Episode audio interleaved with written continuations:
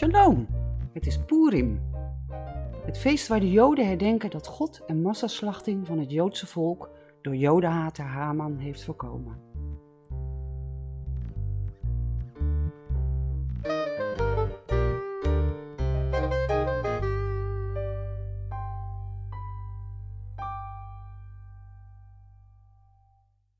Mijn naam is Jacqueline Lohman. Leuk dat je luistert naar IB Podcast. De podcast van Israël en de Bijbel voor iedereen die van God en het Joodse volk houdt. Bij mij aan tafel zit Piet van der Lucht. Piet is uh, bestuurslid van Israël en de Bijbel. Zeer betrokken ook bij de werkgroep Handreiking van Israël en de Bijbel, die zich bezighoudt met humanitaire hulpverlening aan Messiaanse Joden, evangelist en Bijbelleraar. In Nederland, maar ook een aantal keer per jaar aan Messiaanse Joden in het Oostblok. Welkom Piet, fijn dat je tijd hebt gemaakt voor deze podcast. En we zijn blij dat je er bent. En we gaan straks naar een Bijbelstudie van jou luisteren. Als we lezen over bijvoorbeeld Irak, Hezbollah in Libanon, over Syrië, de Houthis in Jemen, Hamas in Gaza, dan duikt er al heel snel één naam op: Iran. De Iraanse invloed in het Midden-Oosten groeit. En gisteren nog stond er op nu.nl dat volgens het atoomagentschap de Iraniërs intussen drie keer zoveel uranium verrijken dan is toegestaan. En dat is een angstaanjagend beeld. Ten meer omdat het Iraanse regime geen doekjes omwindt en zegt de tweede fase van de islamitische revolutie te zijn ingegaan, inclusief de wereldwijde mobilisatie van de islam en de aanstaande vernietiging van Israël. De nieuwsmedia schotelt ons van alles voor over Israël, maar ook over Iran. Maar hoe betrouwbaar is dat eigenlijk? Daarom stel ik voor, Piet, dat we maar starten bij de meest betrouwbare informatiebron die we hebben, namelijk de Bijbel. Wat zegt de Bijbel over Iran? En daarvoor geef ik heel graag het woord aan jou, Piet.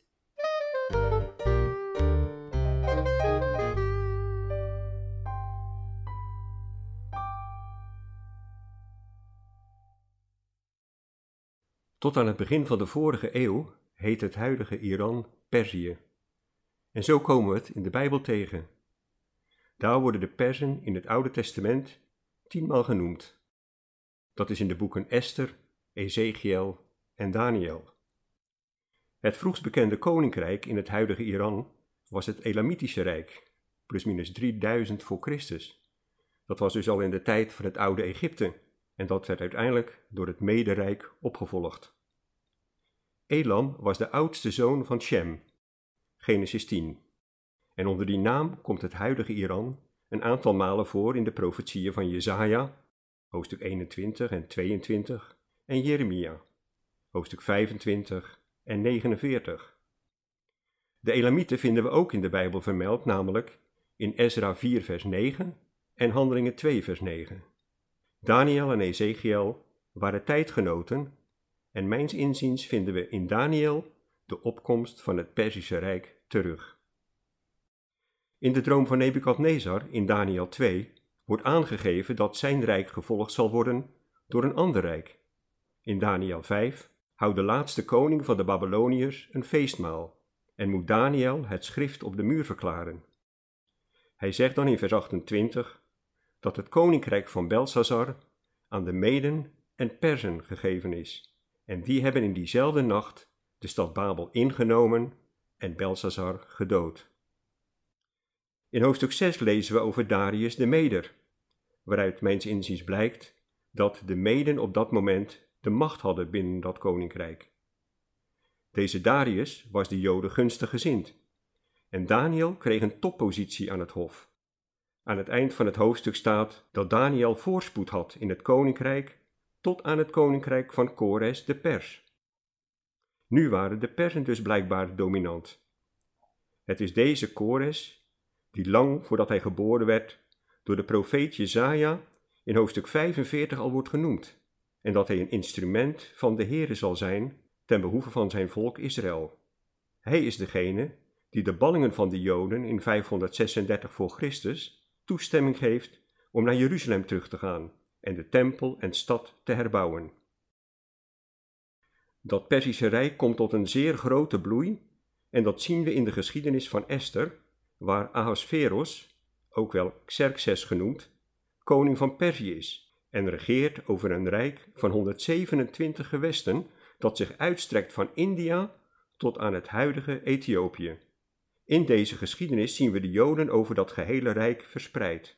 Deze geschiedenis speelt zich mijns inziens af van 521 tot 509 voor Christus, dus na de terugkeer van de Joodse ballingen onder Zerubabel.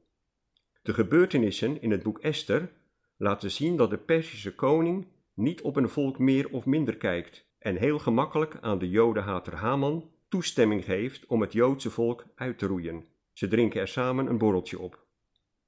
De Heer heeft echter al maatregelen genomen om die uitroeiing te voorkomen door de Joodse Esther als de nieuwe koningin in het paleis te brengen. De wonderlijke leiding van de God van Israël op de achtergrond van deze geschiedenis is de reden voor het vieren van Purim.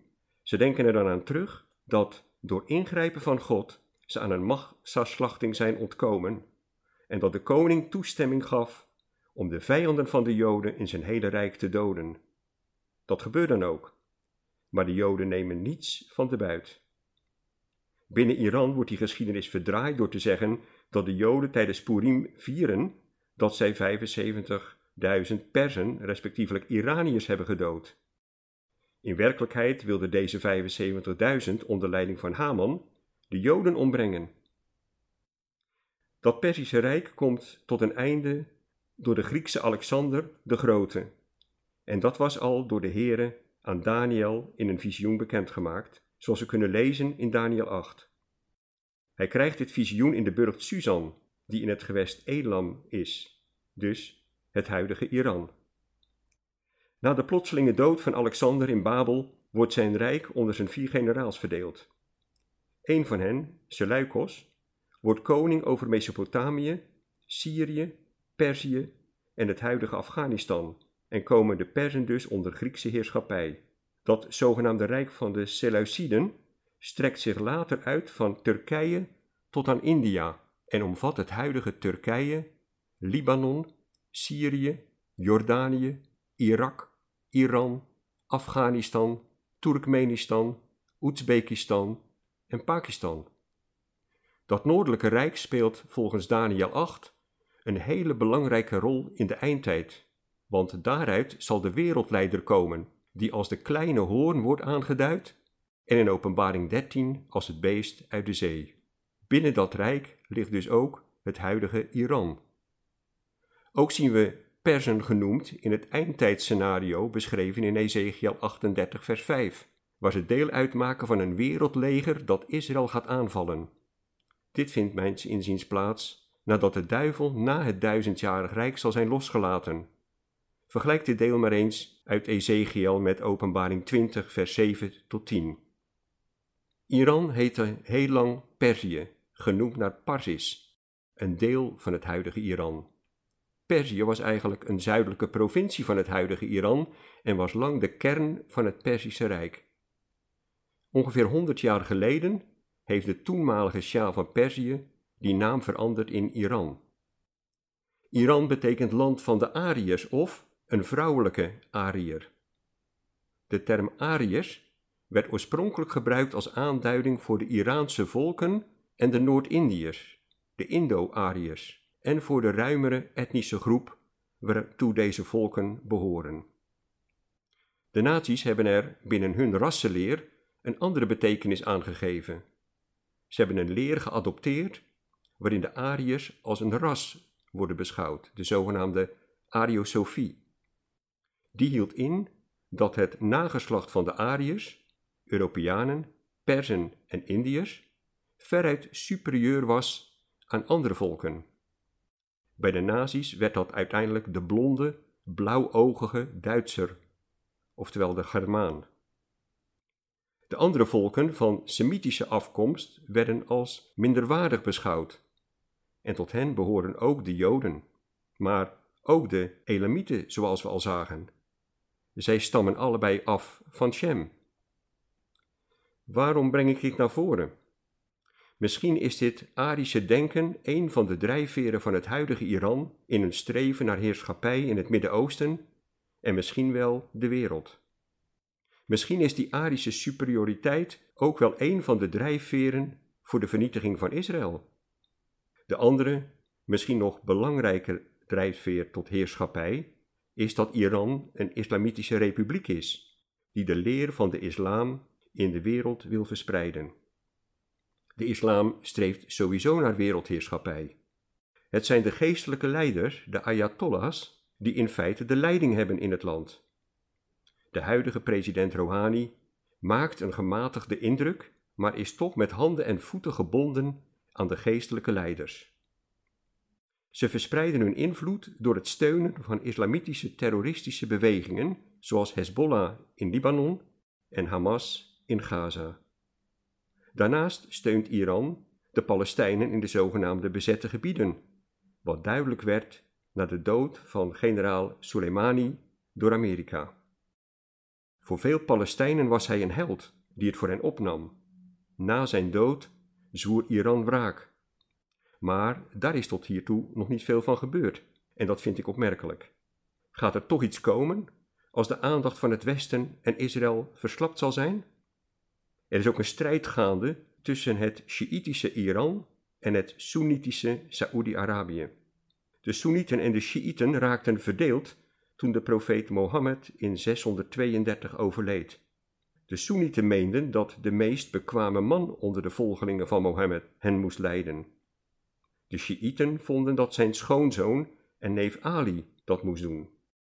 Opmerkelijk dat ik ook ergens vond: de Sjiïten zijn van mening dat geen enkel mens het recht heeft op discriminatie.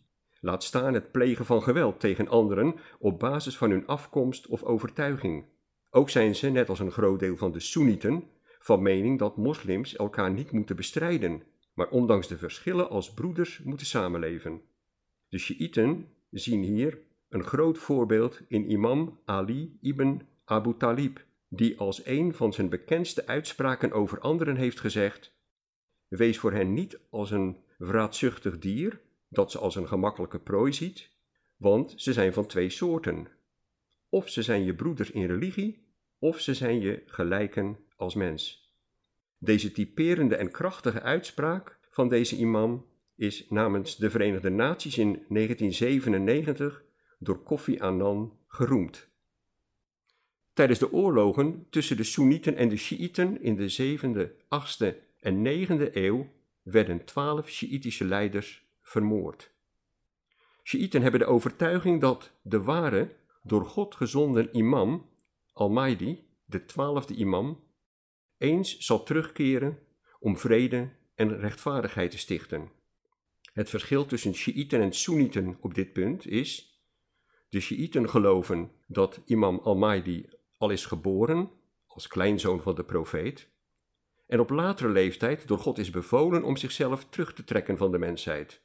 Bij zijn terugkeer zal hij worden vergezeld door Isa, Jezus, die als profeet gezien wordt en zich zetelen op de Tempelberg in Jeruzalem en door velen aanbeden worden. De islamitische Jezus zal Joden, christenen en anderen overtuigen met het zwaard dat islam de enige godsdienst is. Een tijd van grote misleiding? Soenieten geloven ook in zijn terugkeer, maar geloven meestal dat hij nog geboren moet worden.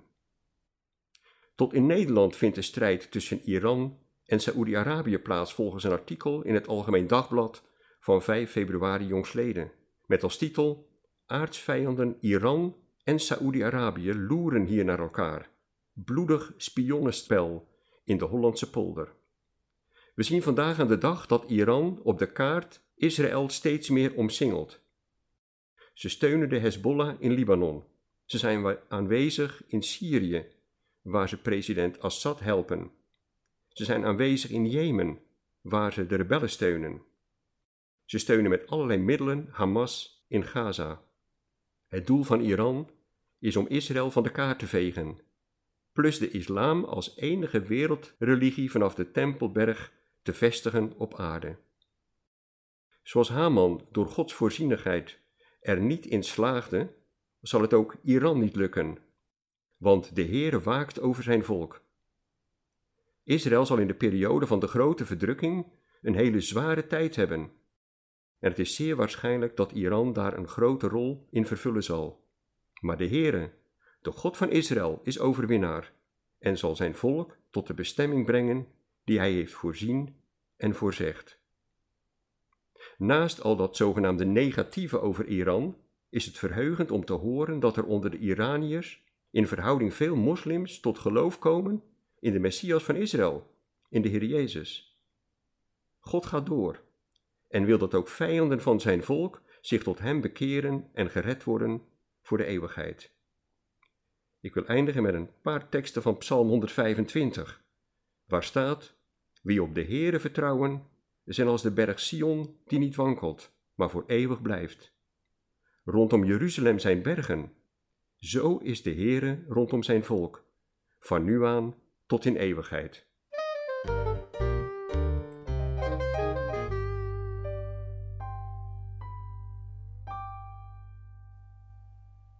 Dankjewel Piet, dankjewel voor deze studie. En het is inderdaad een heerlijke geruststelling. God is rondom zijn volk, altijd. En zeker als je bedenkt dat Israël omringd wordt door landen die de Joden, de Israëli's, het liefst de zee in willen jagen en waar Jodenhaat diep, diep geworteld is. Toch heb ik één vraagje, naar aanleiding van je studie. Uh, je noemde de verwachting in Iran, bij de Sjiïtische moslims, van de twaalfde imam, een soort messias. Ik ga je iets voorlezen, Piet. Uh, het is min of meer een samenvatting van wat je al gezegd hebt. En ik zou het heel fijn vinden als je daarop zou willen reageren. Het is een beetje kort door de bocht, maar anders lukt het niet binnen de tijd. De Sjiïtische islam heeft dus zijn eigen versie van het einde der tijden. En die versie bevat dezelfde tussen aanhalingstekens, grote figuren als de Bijbelse versie, maar keert het volledig om. Shiiten verwachten de terugkeer dus van de twaalfde imam, de Mahdi. En volgens hen en hun overleveringen, dus wat ze zo doorverteld hebben aan elkaar, zit hij ergens diep in de aarde verborgen en zal hij uit de put tevoorschijn komen voor de laatste zeven jaar voor het oordeel. In Damascus, ook dat heb je al gezegd, zal Isa, en ik bedoel het niet oneerbiedig, maar de islamitische Jezus verschijnen. En hij zal verklaren dat hij nooit gekruisigd is, dat hij niet gestorven is, maar is opgenomen in de hemel door Allah. De Mahdi en de islamitische Jezus zullen gezamenlijk als één team optrekken richting Jeruzalem.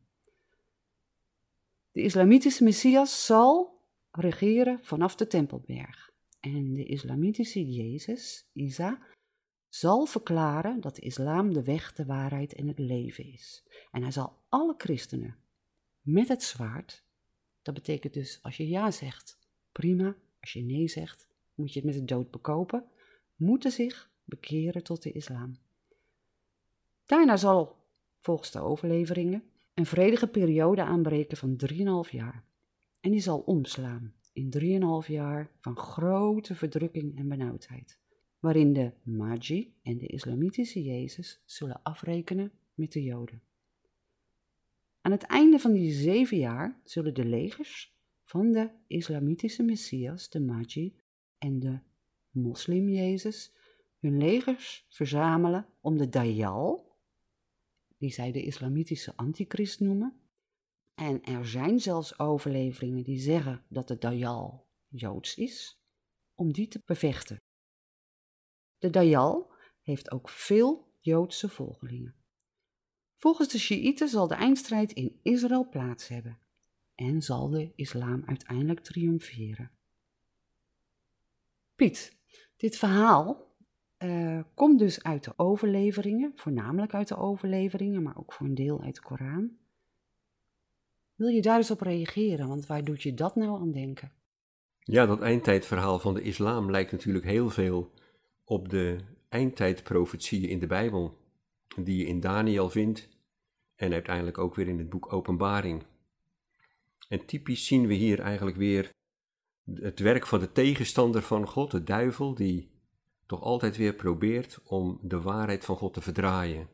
Het lijkt net echt, maar het is het niet. En uiteindelijk wordt er dus verwarring gezaaid worden mensen misleid. En dat is uiteindelijk het doel van de Satan. Vooral voor het Joodse volk zal dat natuurlijk iets zijn wat heel veel lijkt op wat ze in hun tenag lezen, als het gaat over Daniel, maar dat het toch een heel andere strekking heeft. De islam speelt een belangrijke rol in de eindtijd. En daar ben ik heilig van overtuigd als we zien de toename van de islam in de wereld. Als we zien dat ook in diverse landen die islam ook steeds extremer wordt. Als we zien ook in het Westen, in Europa, dat er natuurlijk door alle vluchtelingen die gekomen zijn, onder andere daar ook heel veel moslims bij zitten, dan zien we natuurlijk dat de islam zich eigenlijk als een olievlek uitspreidt. En dat zijn mijns inziens dus ook tekenen van de eindtijd. Van de tijd waarin inderdaad die Magi en die islamitische Jezus zich zullen profileren. En naar mijn inzicht zal dat dan dus zijn, zoals dat in Openbaring 13 staat, als de wereldleider en de valse profeet. En uh, ja, daar gaat het naartoe. En daarom is het natuurlijk ontzettend belangrijk dat we onder het Joodse volk Bijbels verspreiden, zodat ze inderdaad zelf hun Bijbel kunnen openen om te kijken van, hé, hey, wat gebeurt hier? Natuurlijk is dat de Tenach, maar daarnaast natuurlijk het Nieuwe Testament, waarin bijvoorbeeld in Matthäus 24 de Heer Jezus in zijn eindtijdreden een aantal dingen schildert met betrekking tot het Joodse volk. Dus Bijbelverspreiding is heel belangrijk op dit moment, zolang dat nog kan, zolang het nog genade tijd is, dat Joodse mensen de Messias, de Heer Jezus, vinden. Gebed is belangrijk voor die Bijbelverspreiding en ook om mensen, Joodse mensen, door de Heilige Geest zover te krijgen dat ze die Bijbel gaan lezen en geloven. En dat de profetieën voor moeilijke tijden die nog gaan komen voor Joden, dat die profetieën ook wat dat betreft actueel gaan worden dan in die tijd. In Matthäus 24 staat er inderdaad, wie het leest, slaat er acht op. Dan moeten er dus wel Bijbels zijn om te lezen. En dat is dus geweldig dat we als Israël in de Bijbel niet alleen over de profetieën mogen vertellen, over de toestand in de wereld naar aanleiding van het woord van God, maar dat we bovenal onder de Joden de Bijbels mogen verspreiden, opdat ook zij en velen uit hen de Heere, de Heer Jezus, de Messias, zullen leren kennen. En zo eindigen we dus eigenlijk ook weer bij het hart van het werk van Israël in de Bijbel, de verspreiding van Bijbels, Oude en Nieuwe Testamenten onder de Joden. We gaan afsluiten. Onze tijd zit erop. Lieve luisteraar, op onze website israelindebijbel.nl zijn talloze artikelen te vinden over Gods plan met Israël, artikelen over de eindtijd, artikelen over de islam in Israël en nog veel meer. Ga maar eens zoeken en spitten op onze website. Nogmaals, dank je wel voor het luisteren. Tot gauw, dag en vooral shalom.